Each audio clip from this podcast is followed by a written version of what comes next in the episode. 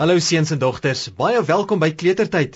Hier hoor ons van alles wat met Karel Kabouter en sy beste dieremaatjie, Ollie die olifant in die groot bos gebeur. Vandag begin daar 'n splinternuwe storie. Kom luister nou na Karel Kabouter en die Kersgeskenk.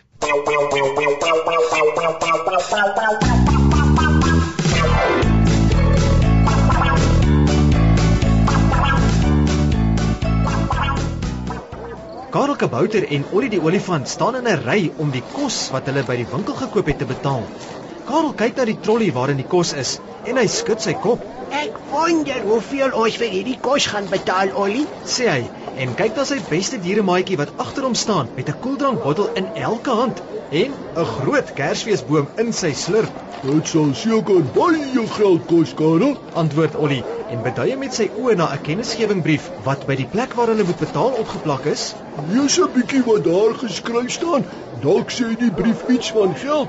Karel Kabouter kyk na waarheen Ollie beduie. Hy leun effe vorentoe oor die trolly en hy lees. Gedurende Kersfeestyd sal alle kos in hierdie winkel duurder wees. Ons vra om verskoning, maar kan dit nie verhelp nie. Die mense wat die kos moet aflewer, staak vir meer geld. Om hulle weer te laat werk, moet ons meer betaal. Daarom moes ons die kospryse hoër maak. Karel Kabouter leun weer terug en hy frons. Ek dink ek moet van die kos in hierdie trolly maar uithaal, Ollie. sê hy en begin van die pakkies terugsit op die rakke. As ons meer moet betaal vir die kos, los ek liewer die koek en die lekkers. Ollie die olifant lyk so 'n bietjie bek af en hy druk sy lippe teen mekaar. Uh, dan moet ek ook seker van hierdie koeldranke terugsit, Karel. Sê hy. Ollie kyk van die een koeldrankbottel na die ander en druk toe een in 'n rak langs hom. Ek gaan hierdie een koeldrankbottel hou. Ek was so lus om by die kersboom te sit, koeldrank te drink en lekkers te eet. Ollie kyk na die kersboom in sy slurp en hy sug toe diep. Mens is ook seker nie reg om 'n kersfeesboom te koop as ons nie genoeg geld vir kos het nie. Ollie sit die kersfeesboom ook op die rak langs hom neer en stap saam met Karel na die plek waar hulle moet betaal. Karel en Ollie se oë rek groot toe hulle sien wat die bietjie kos wat hulle gekoop het kos en wonder wat hulle sou moes betaal as hulle nie die ander goed teruggesit het nie. Karel Kabouter en Ollie die olifant stap by die winkel uit, elkeen met 'n sakkie vol kos wat hulle gekoop het in hulle hande. Hulle het skaars 'n paar tree geloop toe hulle 'n fyn stemmetjie agter hulle hoor. Kan ek saam met julle kom asseblief? Karel en Ollie gaan staan stil en kyk om hulle rond. Al wat hulle sien is die winkel se trollies wat netjies in 'n ry by die ingang staan. Het jy ook iemand gehoor wat uh, psst gesê het, Karel? Vra Ollie en hy krap sy kop. Ek sien niemand nie. Nee, dalk het ek my dit net verbeel. Karel Kabouter skud sy kop. Nee, Ollie, jy verbeel jou nie. Ek het dit ook gehoor. Wie kon dit gesê het? Karel sien ook niemand nie. Karel en Ollie wil net weer begin aanstap toe hulle weer die stemmetjie hoor. Psst, hierso, binne-in, die laaste trolly. Ek wil graag saam met julle gaan. Karel Kabouter frons en hy kyk na Ollie. Ons het ons dit toe nie verbeel nie, Ollie. Sê Karel en hy begin na die trolly toe stap. Dit was toe iemand wat met ons gepraat het. Maar wie sal in 'n trolly wegkruip?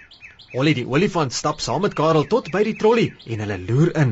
Nee, hier is niemand nie, Karel. Sê Ollie en stoot met sy slurp 'n pakkie wat in kersfeespapier toegedraai is eenkant toe. Dis net hierdie pakkie wat hier lê. Pas op, olifant. Jou slurp is skerp en hard. Moenie my so rondstoot nie. Dit maak my seer. Sê die stemmetjie weer en Ollie staan verskrik terug. Karel Kabouter loer ook met groot oë versigtig oor die kant van die trolly en sien die pakkie wat in 'n rooi kersfeespapier toegedraai en met 'n mooi wit lint vasgebind is. Ja, ja, dit is ek wat met julle praat, kabouter. Sê die fyn stemmetjie weer. Moenie so verbaas lyk nie.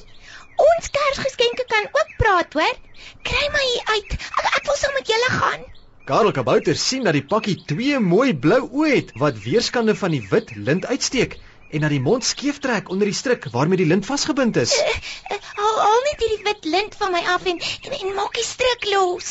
Sê die pakkie en frons kwaai. Dit druk my arms en bene so vas dat ek nie kan beweeg nie. Karel en Ollie kyk na mekaar. So iets het hulle nog nie gesien nie. 'n Kersgeskenk pakkie wat kan praat. Ollie is 'n groot en sterk olifant, maar hy is baie versigtig vir 'n pakkie wat kan praat. Hy kyk weer na die trolly waarin die pakkie lê. Die pakkie het gesê dat my skurwe slurp het seermaak, Karel. sê Ollie dankbaar dat hy 'n verskoning het om nie aan die pakkie te raak nie. Haal jy die pakkie uit dat ons kan hoor hoekom dit saam met ons wil gaan. Karel Kabouter leun versigtig oor die trolly en tel die pakkie op. Ewe versigtig, kabouter. Sê die stemmetjie en die groot blou oë kyk benoud op na Karel. Jy moet styf vashou. Moet my nie laat val nie, want daar is goed in my wat toegedraai is wat kan breek. Toe toe toe toe. En nou kan jy die lint om my losmaak en dan kan ek self met my eie bene loop. Karel hou die pakkie uit na Ollie wat nog altyd 'n entjie weg staan. Kom Ollie, ek hou die pakkie vas, dan maak jy dit los. Ollie die olifant loop versigtig nader en trek die stryk van die wit lint los dat dit op die grond val. Die Kersgeskenkpakkie spring uit Karel se hand op die grond, rek die arms uit en hurk op en af om die krampe uit die bene te kry. Ah, so ja. Jo, nou kan ek weer ordentlik asemhaal en loop en praat. Sê die stemmetjie. Die Kersgeskenkpakkie gaan staan regop voor Karel en Ollie. Baie baie dankie dat julle twee my uit die trolly gehelp en losgemaak het. Ek is Katrina Kersgeskenk en die mense wat my gekoop het, het my in die trolly vergeet toe hulle al die ander goed uitgelaai het. Katrina Kersgeskenk gaan sit op die sypaadjie voor die winkel en lyk baie hartseer. Ek moet op Kersdag aan iemand gegee word om hulle gelukkig te maak. Nou weet ek nie wat van my gaan word nie.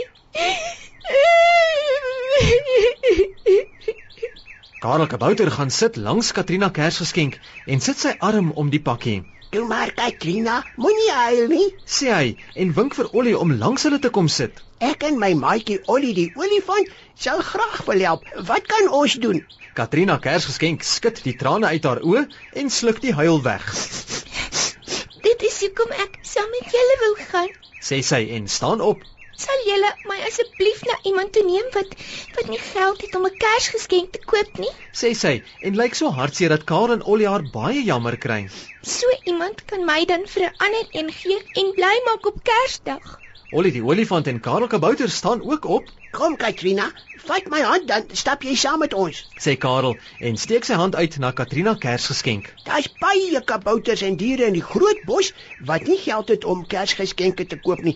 Ons sal iemand kry na wie toe ons jou kan neem. Katrina Kersgeskenk vat Karel se hand en begin saam met hom en Ollie in die bospaadjie afstap. Wat nie een van hulle egter sien nie, is die paar kwaai rooi oë wat tussen die bosse langs die bospaadjie na hulle loer. Hulle hoor ook nie hoe dat daar sag agter die bosse gelag word nie. Daar die kersgeskenk is myne. Wag net dat hulle hier by my in die bospaadjie verbystap.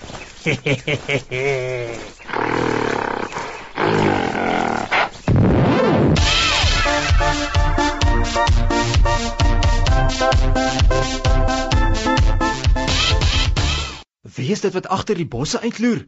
En wat gaan van Katrina Kersgeskenk word? Kom luister volgende keer verder na Karel Kabouter en die Kersgeskenk.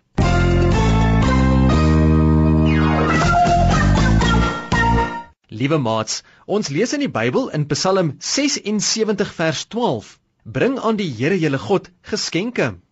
Die Bybel vertel ons hier dat God vir sy kinders sorg. Omdat ons daaroor baie bly is, sê die Bybel, moet ons vir God 'n geskenk gee. En weet jy van watter soort geskenk hou die Here? Die Bybel sê hier, dit is die geskenk van ons lewens wat met dankbaarheid en blydskap vir hom gegee word, omdat hy ons elke dag bystaan. Doen dit sommer vandag nog. Ek groet tot volgende keer. Totsiens. Yee!